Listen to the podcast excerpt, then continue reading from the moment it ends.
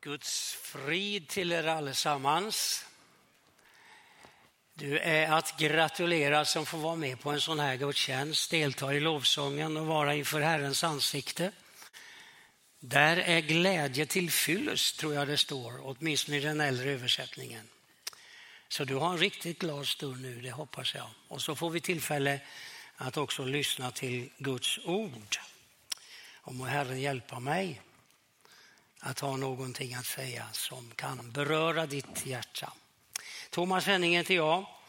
Jag är det senaste, eller ja, ett av de senaste tillskotten till det här pastorsteamet i församlingen och arbetar på heltid och så har jag förmån, eller halv, deltid skulle jag säga.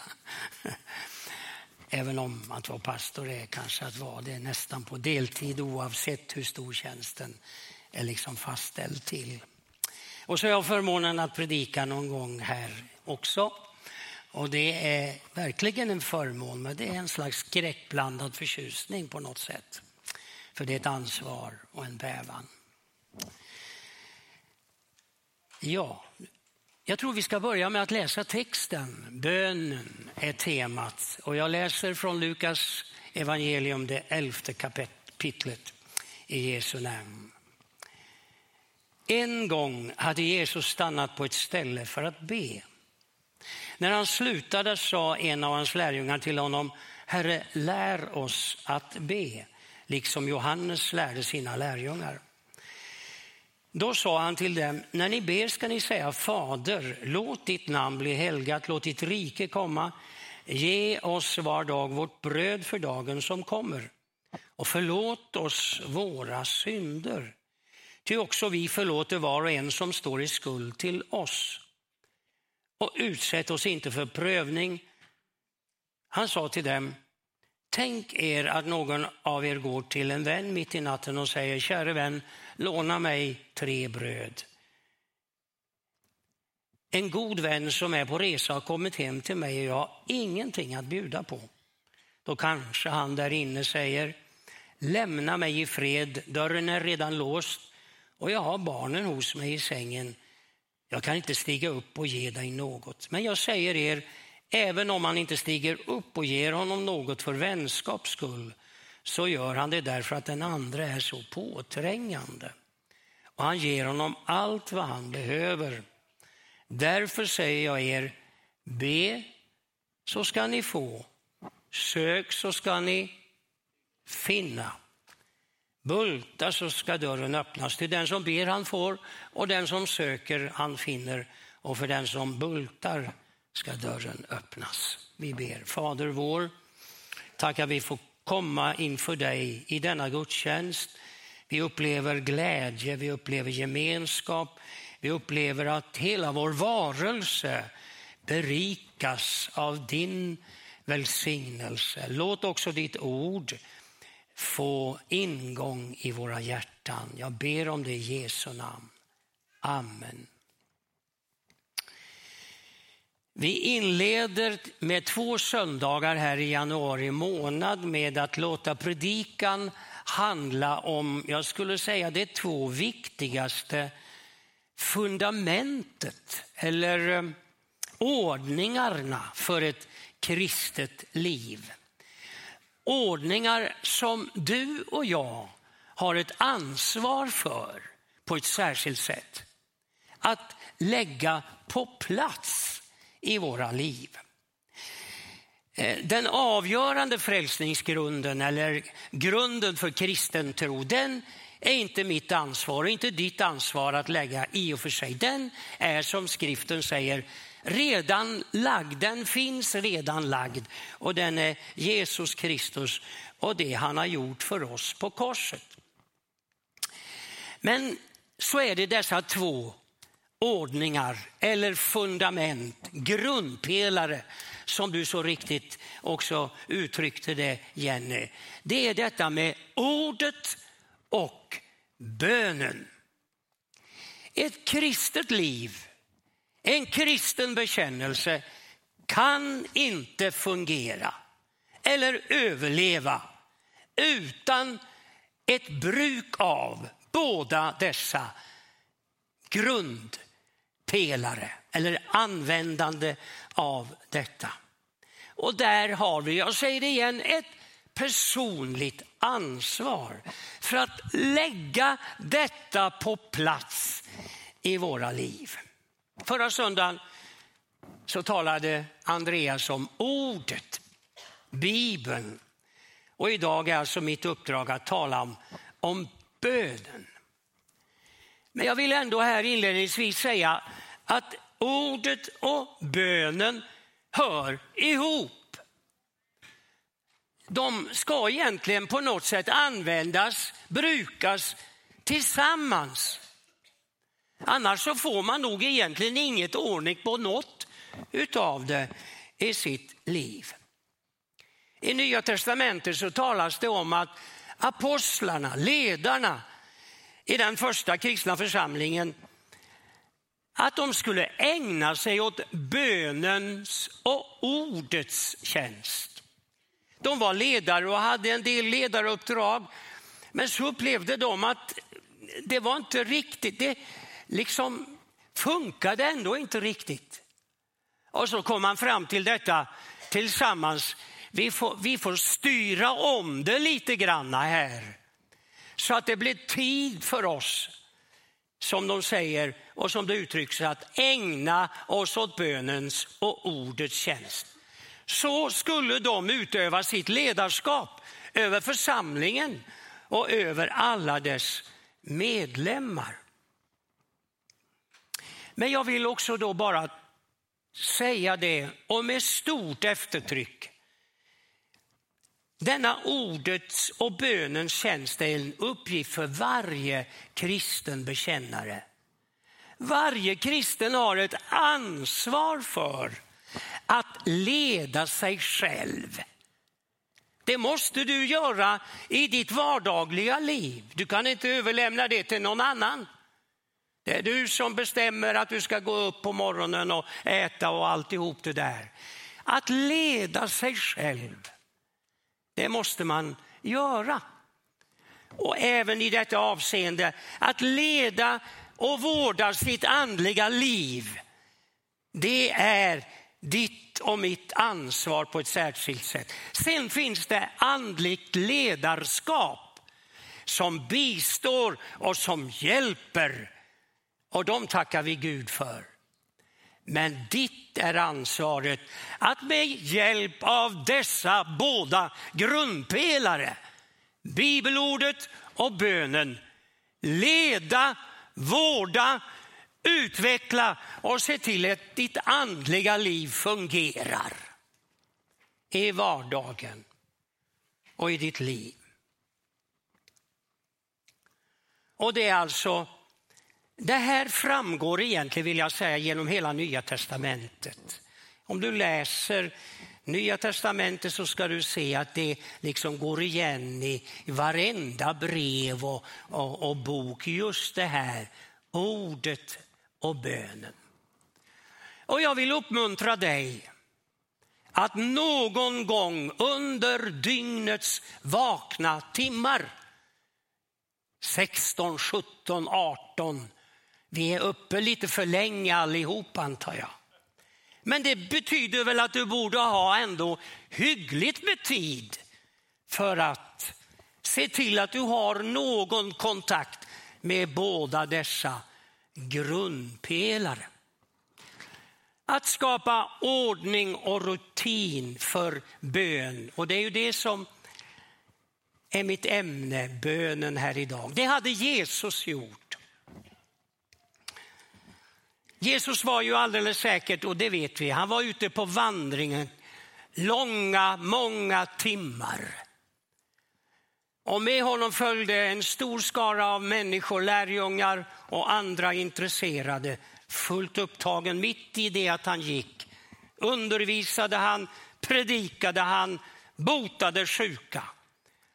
Och när han kom fram dit han skulle så var folket redan där och fullt hus i alla fall i många sammanhang. Så han var upptagen. Jag är övertygad om att det därför liksom pågick en ständig bön i hans hjärta under den där. Han, han var verkligen på bönevandring. skulle man kunna säga. Det fanns en, en ständig kommunikation i bön med sin himmelske fader. Och det, det ska ju också vi som kristna ha. Be ständigt står det. Och hur ska det kunna ske om man inte får göra det mitt i det att man arbetar, diskar, städar, klipper gräset och allt vad det är, kör bil och så vidare. Men Jesu exempel visar också att det är viktigt med att avsätta tid för bön. Bestämma sig för att, att nu är det tid ändå då jag vill vara inför Herren i bön. Han hade vid ett tillfälle, står det här, stannat på ett ställe för att be. Och det är flera år sedan jag liksom bara riktigt, det var som om det blixtrade till för mig, just det där uttrycket. Och varenda gång jag läser det så, så är det som om lampan tänds på något särskilt sätt. Stannat på ett ställe för att be. Nu var det dags, tänkte Jesus, jag behöver det här. Sen står det också att han, när han hade slutat att be, och jag har ibland tackat Gud för att det står också. Alltså detta med att avdela tid, det är någonting som börjar och det är någonting som slutar. Och det är det jag tänker mig att du skulle på något sätt få med dig härifrån i den här predikan. Att det behöver du göra. Bestämma dig för att avsätta tid för att be. När det gäller det här med att avsätta tid för att be så finns det ju ett antal, två diken finns det ju alltid i alla sammanhang. Å ena sidan kan man tänka sig det här att ska man be så ska det vara rejält. Ska det vara så ska det vara. Det är ju ett slags svenskt bonnigt uttryck eller sådär. Va? Ska det vara så ska det vara ordentligt, annars så kan det kvitta. Flera timmar och helst på obekväm tid. Det är då bönen blir särskilt effektiv. Ja, nu raljerar jag lite grann, men det är inte utan att vi har tänkt den tanken. Hamna inte i det diket. Det är alldeles onödigt. Hålla till där. Men det andra diket skulle kunna vara det här att ja, men bön, det räcker ju bara liksom en minut, liksom en minuten bön. Sen är det, sen har vi gjort vår plikt. Och jag tänker mig att det finns anledning att du prövar dig själv på det här området. Vi ger tid åt så väldigt mycket oväsentligt i våra liv. Så att tiden för bön krymper för oss.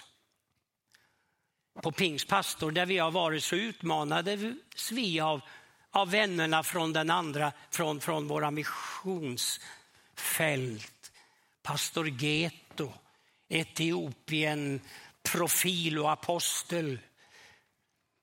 Men väldig, vad ska jag säga, predikant och pastorsgärning i ryggen. Och han talade om, han hänvisade visserligen till amerikanska studier om pastorer, att i genomsnitt så ber de fem minuter om dagen. Och han var lite snäll och antydde väl att jag kan aldrig tänka mig att det är något liknande här. Och jag kände nog för min del att ja, pröva dig själv. Låt oss göra det. I den här telefonen jag la, la där nere så, och jag har på något sätt stängt av den där funktionen. Men så här mycket skärmtid har du haft idag, får man plötsligt ibland någon, något meddelande.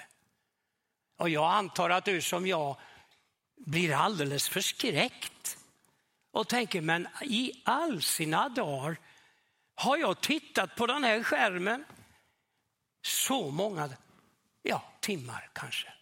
Alltså pröva dig själv. Jag är inte ute för att ge dig dåligt samvete. Men ändå pröva dig själv. Jag satt en gång hos en blodtryckssköterska, jag sitter där ibland. Um, och, och, och, trycket skulle kontrolleras. Och så hade hon ett samtal med mig som, alla, som alltid i sådana sammanhang. Och så säger hon, det där med motion. Och jag kände väl att hon stötte mig på en öm punkt. Och har inte tyckt kanske direkt jag har haft så mycket nytta av motion, åtminstone utifrån kulmagesperspektivet. Det har liksom hållit sig någorlunda i ordning oavsett vilket, eh, vilken motion jag har ägnat mig åt. Men det där med motion är viktigt. Och jag ville väl verka intresserad och, och så där och tänkte att jag ska ju vara positiv här. Och, så jag ställde en liten motfråga. Vilken motion är den bästa? Och jag ville väl påskina på något sätt att jag var nog beredd att försöka få lite bättre ordning på det där. Och jag förstår, hon hade mött den frågan av flera andra medelålders herrar. Så hennes svar var omgående och egentligen så uttömmande att inget mer fanns att säga. Och hon säger bara så här, den bästa motionen är den som blir av. Jaha, tänkte jag, var det inget mer? Den bästa motionen är den som blir av. Och jag tänker också på något sätt, hur är det med bön? Börja inte i den kanten att hur ska jag nu be liksom? En timme om dagen, är det ett bra modell eller, eller kan jag nöja mig med ja, fem minuter? Ja, förstår ni mig när jag liksom funderar kring det här? Jag tänker mig så här, tänk i alla fall till en början, den bästa bönen som blir av. Eh, den bästa bönen är den bön som blir av.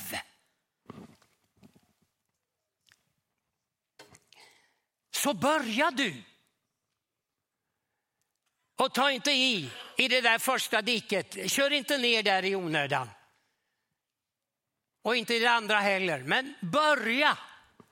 Börja. Och bön är någonting, förstår vi av den här texten, som man kan lära sig. Som man kan utveckla sig i. En färdighet som uppövas.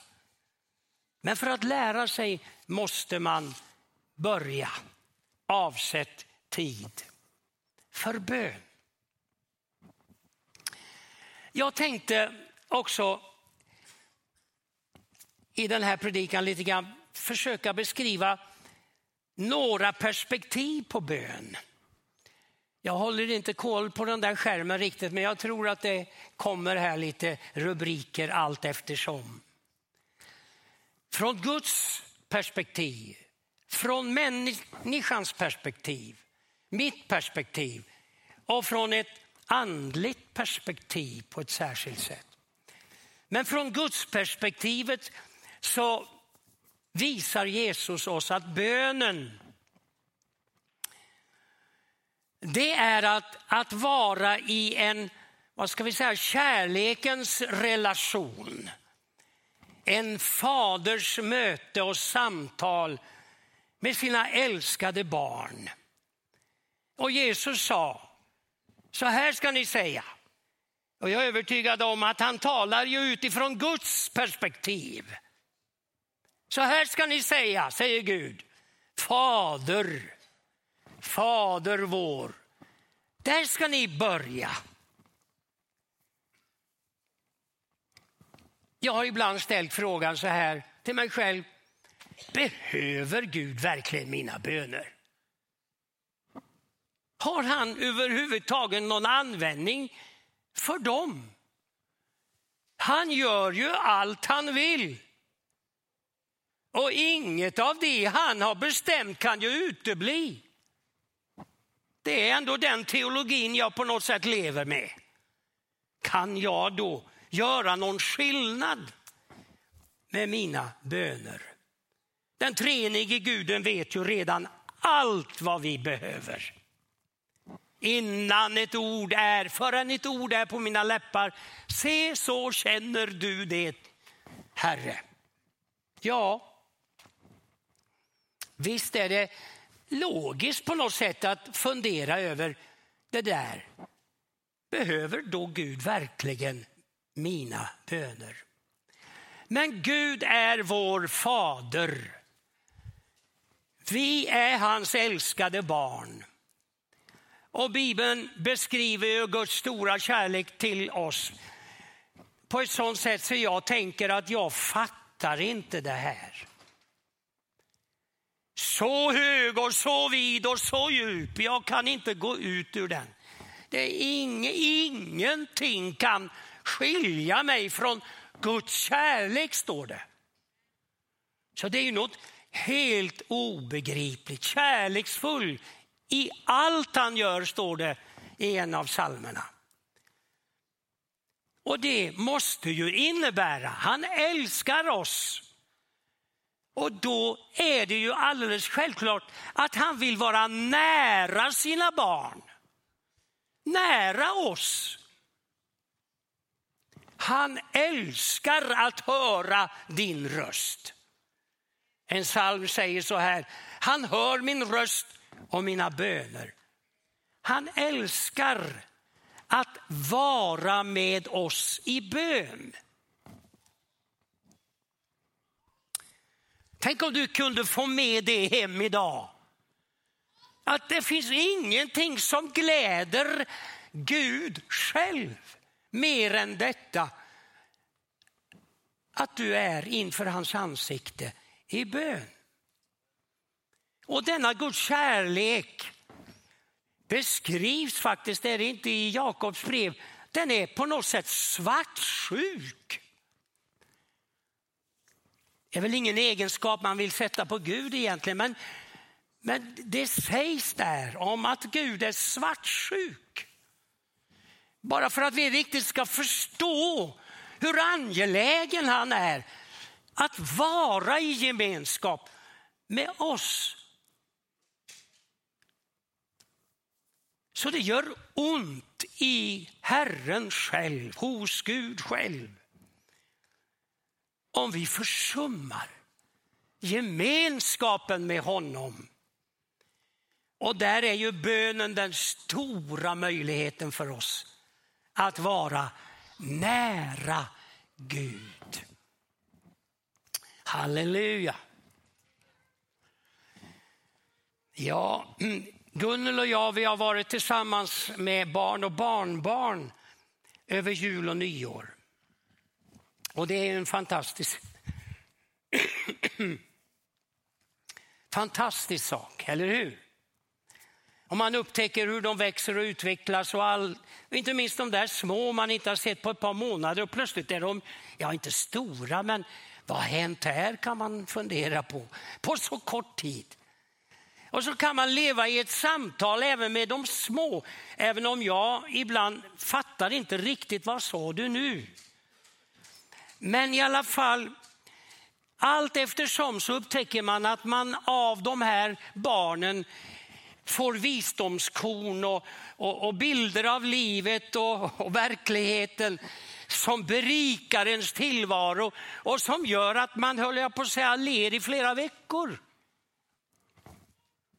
Det är något av en fullkomlig mänsklig glädje på något sätt som kommer till uttryck i detta att få vara nära sina barn och sina små barn. Och jag tänker så här, barnsligt tänkt, men ändå att Gud tänker på samma sätt. Wow! Nu möts vi här igen. Nu får jag del av dina tankar och dina erfarenheter. Han älskar att höra på när du och jag är inför honom i bön. För honom är det inte tröttsamt. Jag blir trött och leka med treåringen på golvet. Och jag har svårt ibland att hålla längre konversationer igång. Men han slumrar inte, han sover inte. Han är inte trött, han älskar. Det är bara glädje att få vara med oss.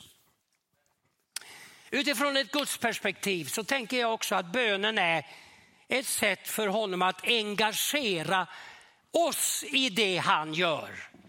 I det som är hans uppdrag eller det han har tänkt. Att bygga Guds rike. Låt ditt rike komma, låt din vilja ske. På jorden och i himlen. Vi tänker ibland att om vi ska engagera oss i Guds rike så är det en massa saker vi ska göra. Och I den här församlingen behövs det många volontärer. Vi hörde om det här inledningsvis. Verkligen. Men jag tänker faktiskt att det är först av allt genom bönen som du blir involverad i det Gud vill göra. När du ber så sammanförs du på något sätt med det som Gud håller på med. Om du inte ber är det en risk att du håller på med sånt som inte Gud kanske har som en första prioritet. Men börjar du be så ska du upptäcka det. Du blir engagerad i det som är hans verk. Ja, från ett mänskligt perspektiv då. Att vi behöver bönen, det kan vi ju förstå. Och det visar ju Jesus med all tydlighet i den undervisning han ger oss i den här texten. Vi behöver be för det mänskliga livets vardagliga behov. Ge oss idag det bröd, vårt dagliga bröd. Jesus visar i den här bönen, eller i, när han lär dem att bedja, att bönen är på något sätt en, en, en väg för oss att, att, att hålla på med en ständig pågående, vad ska vi säga, renhållning. Synden, ditt problem, mitt stora problem är ständigt närvarande i våra liv och behöver åtgärdas. Förlåt. Bönen är till för att användas till att be förlåt oss våra synder. Den bönen behöver vi faktiskt ständigt be. Du har bett den kanske en första gång, det är många år sedan. Och du lever i den naturligtvis. Men jag tror att du behöver, precis som, som soppåsen under diskbänken alltid är full eller blir full så är det på något sätt också med syndens närvaro i våra liv. Soppåsen måste bäras undan. Och där har du bönen som en väg. Jag har haft anledning ständigt återkomma till detta. Herre, förlåt mig. Herre, rena mig. Hjälp mig att leva mera helt för dig. Och så vidare. Bönen hjälper ju mig också att förstå. Så som jag får förlåtelse och Gud har barmhärtighet med mig så ska jag också leva i förlåtelse och barmhärtighet till andra människor. Vi kan också säga att bönen är viktig för oss av samma anledning som för Gud. Den upprättar och underhåller en nära relation med vår älskade far som älskar oss över allt förstånd. Och även om han redan vet allt så får vi göra alla önskningar kunniga inför honom genom bön, åkallan och tacksägelse. Det är så Paulus väl uttrycker det. Ibland tänker jag att jag i mina böner besvar, besvärar Gud med triviala ting. Jag vågar knappt berätta om vad jag har bett om ibland. Trivialt, enkelt, kanske till och med tramsigt och ett och annat gnällande också måste jag tillstå. Men Gud tröttnar inte på det. Tvärtom uppmuntras vi att säga honom allt. Säg allt till honom. Och det är ju så vi upprättar den där nära relationen. När vi liksom öppnar oss säger hur det är. Han vet det redan. Men vi säger som det är. Och det är ju så, den jag delar allt med och den jag kan dela allt med, det är en människa jag kommer nära. Dela allt med Gud och gör det i bön. Tiden rinner ju fort när man predikar och tror att man har något att säga. Och jag ska strax sluta. Men jag vill också bara säga det sista perspektivet. Det finns ett perspektiv när det gäller bön, att, att det är ett mäktigt andligt vapen. Det finns en andlig verklighet där det pågår en kamp mellan ont och gott. För att vara lite mer brutal, mellan djävul och Gud. Det är ett faktum. Och det är en kamp där våra böner har betydelse. Förunderliga tanke. Men när jag läser skriften så kan jag inte förstå det på annat sätt. Och hur hänger det här ihop? Ja, jag hinner inte fördjupa mig i det. Men jag, jag tänkte bland annat när jag läste den här texten om den där envise mannen som ville låna lite bröd. Nu har jag funderat på, Gud varför ska man behöva tjata eller vara envis och påträngande och inte ge upp och hålla på och hålla på. Är det verkligen nödvändigt? Den där envisa uthålligheten. Men jag tänker, det kanske just i det här perspektivet vi ska förstå eh, den här envisheten. Det finns ett motstånd. Det finns motstånd.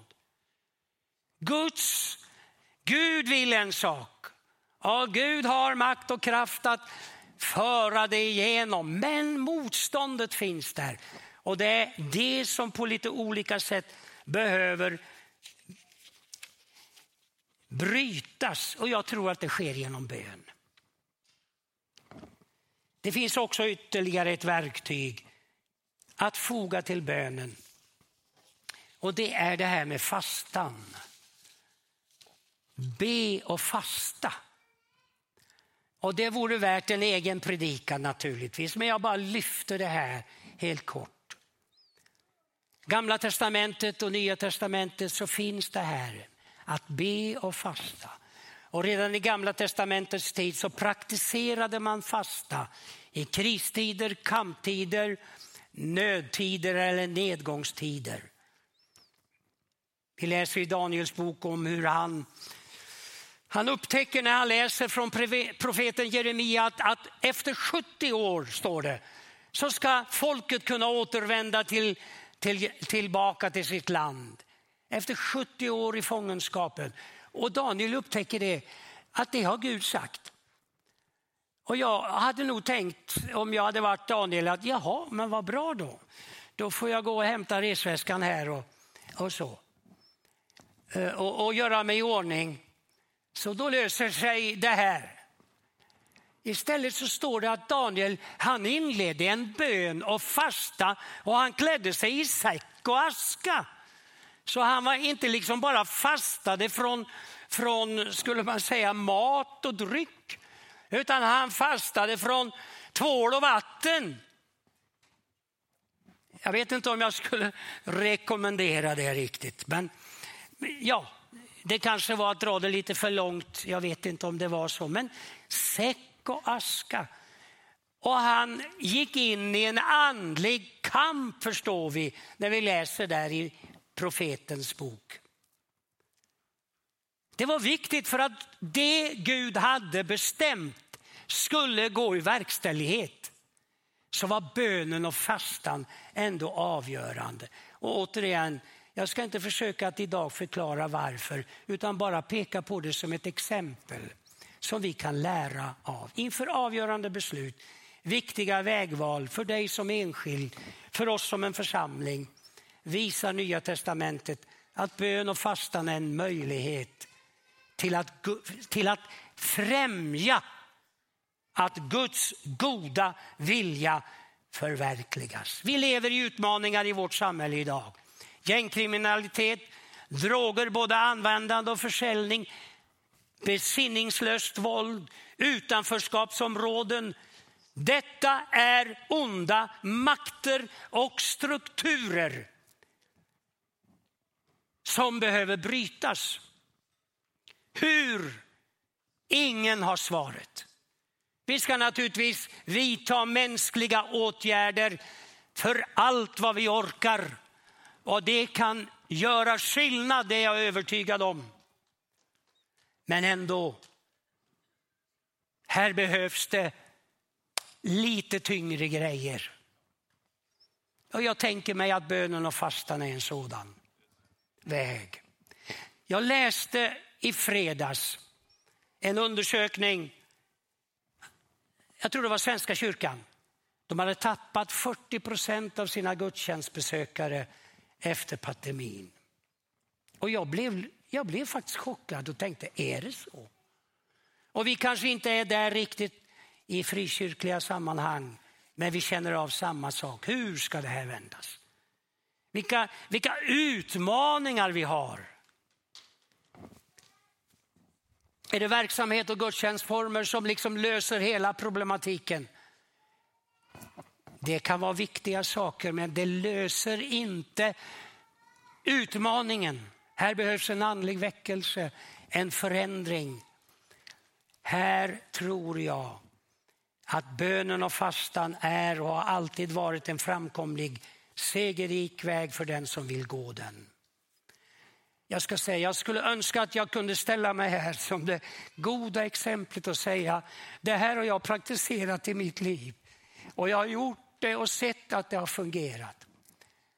Och jag kan delvis säga att det är klart att jag har praktiserat det. Jag har sett att det funkar. Men jag har inget att skryta över. Men jag skulle vilja stå här i alla fall och säga att jag är en av dem tillsammans med dig som säger Herre, det här skulle jag vilja pröva lite mer, lite bättre och på, på ett större allvar. Utmaningarna 2023 är alltför stora så vi kommer aldrig att klara det med politiska instrument, ekonomiska krafter eller något annat. Jag tror att det handlar bara om det här som i grunden kan förändra. Och låt oss gå också den vägen. Ska vi hjälpas åt? Jag tror att Gud kallar oss till detta. Därmed ska jag säga amen. Vi ska ta vid vid lovsång. Det kommer att finnas förbönsplatser som alltid i den här kyrkan på båda sidorna. Du är välkommen. Jag hoppas att du har förstått av den här predikan att vi tror på förbönens makt och möjlighet. Kanske du för första gången ska be om syndernas förlåtelse och upptäcka glädjen i att få vara ett Guds barn på ett särskilt sätt. Kanske du behöver be den bönen förnyat. Tillfället finns här att få förbön och hjälp. Kanske du står inför det omöjliga sammanhang. Du har inget svar. I bön inför Herren och kanske i ett beslut att söka honom på ett närmare sätt. I bön och i fasta så kan du få manifestera det här också vid böneplatsen. Välkommen och Gud välsigne dig. Amen.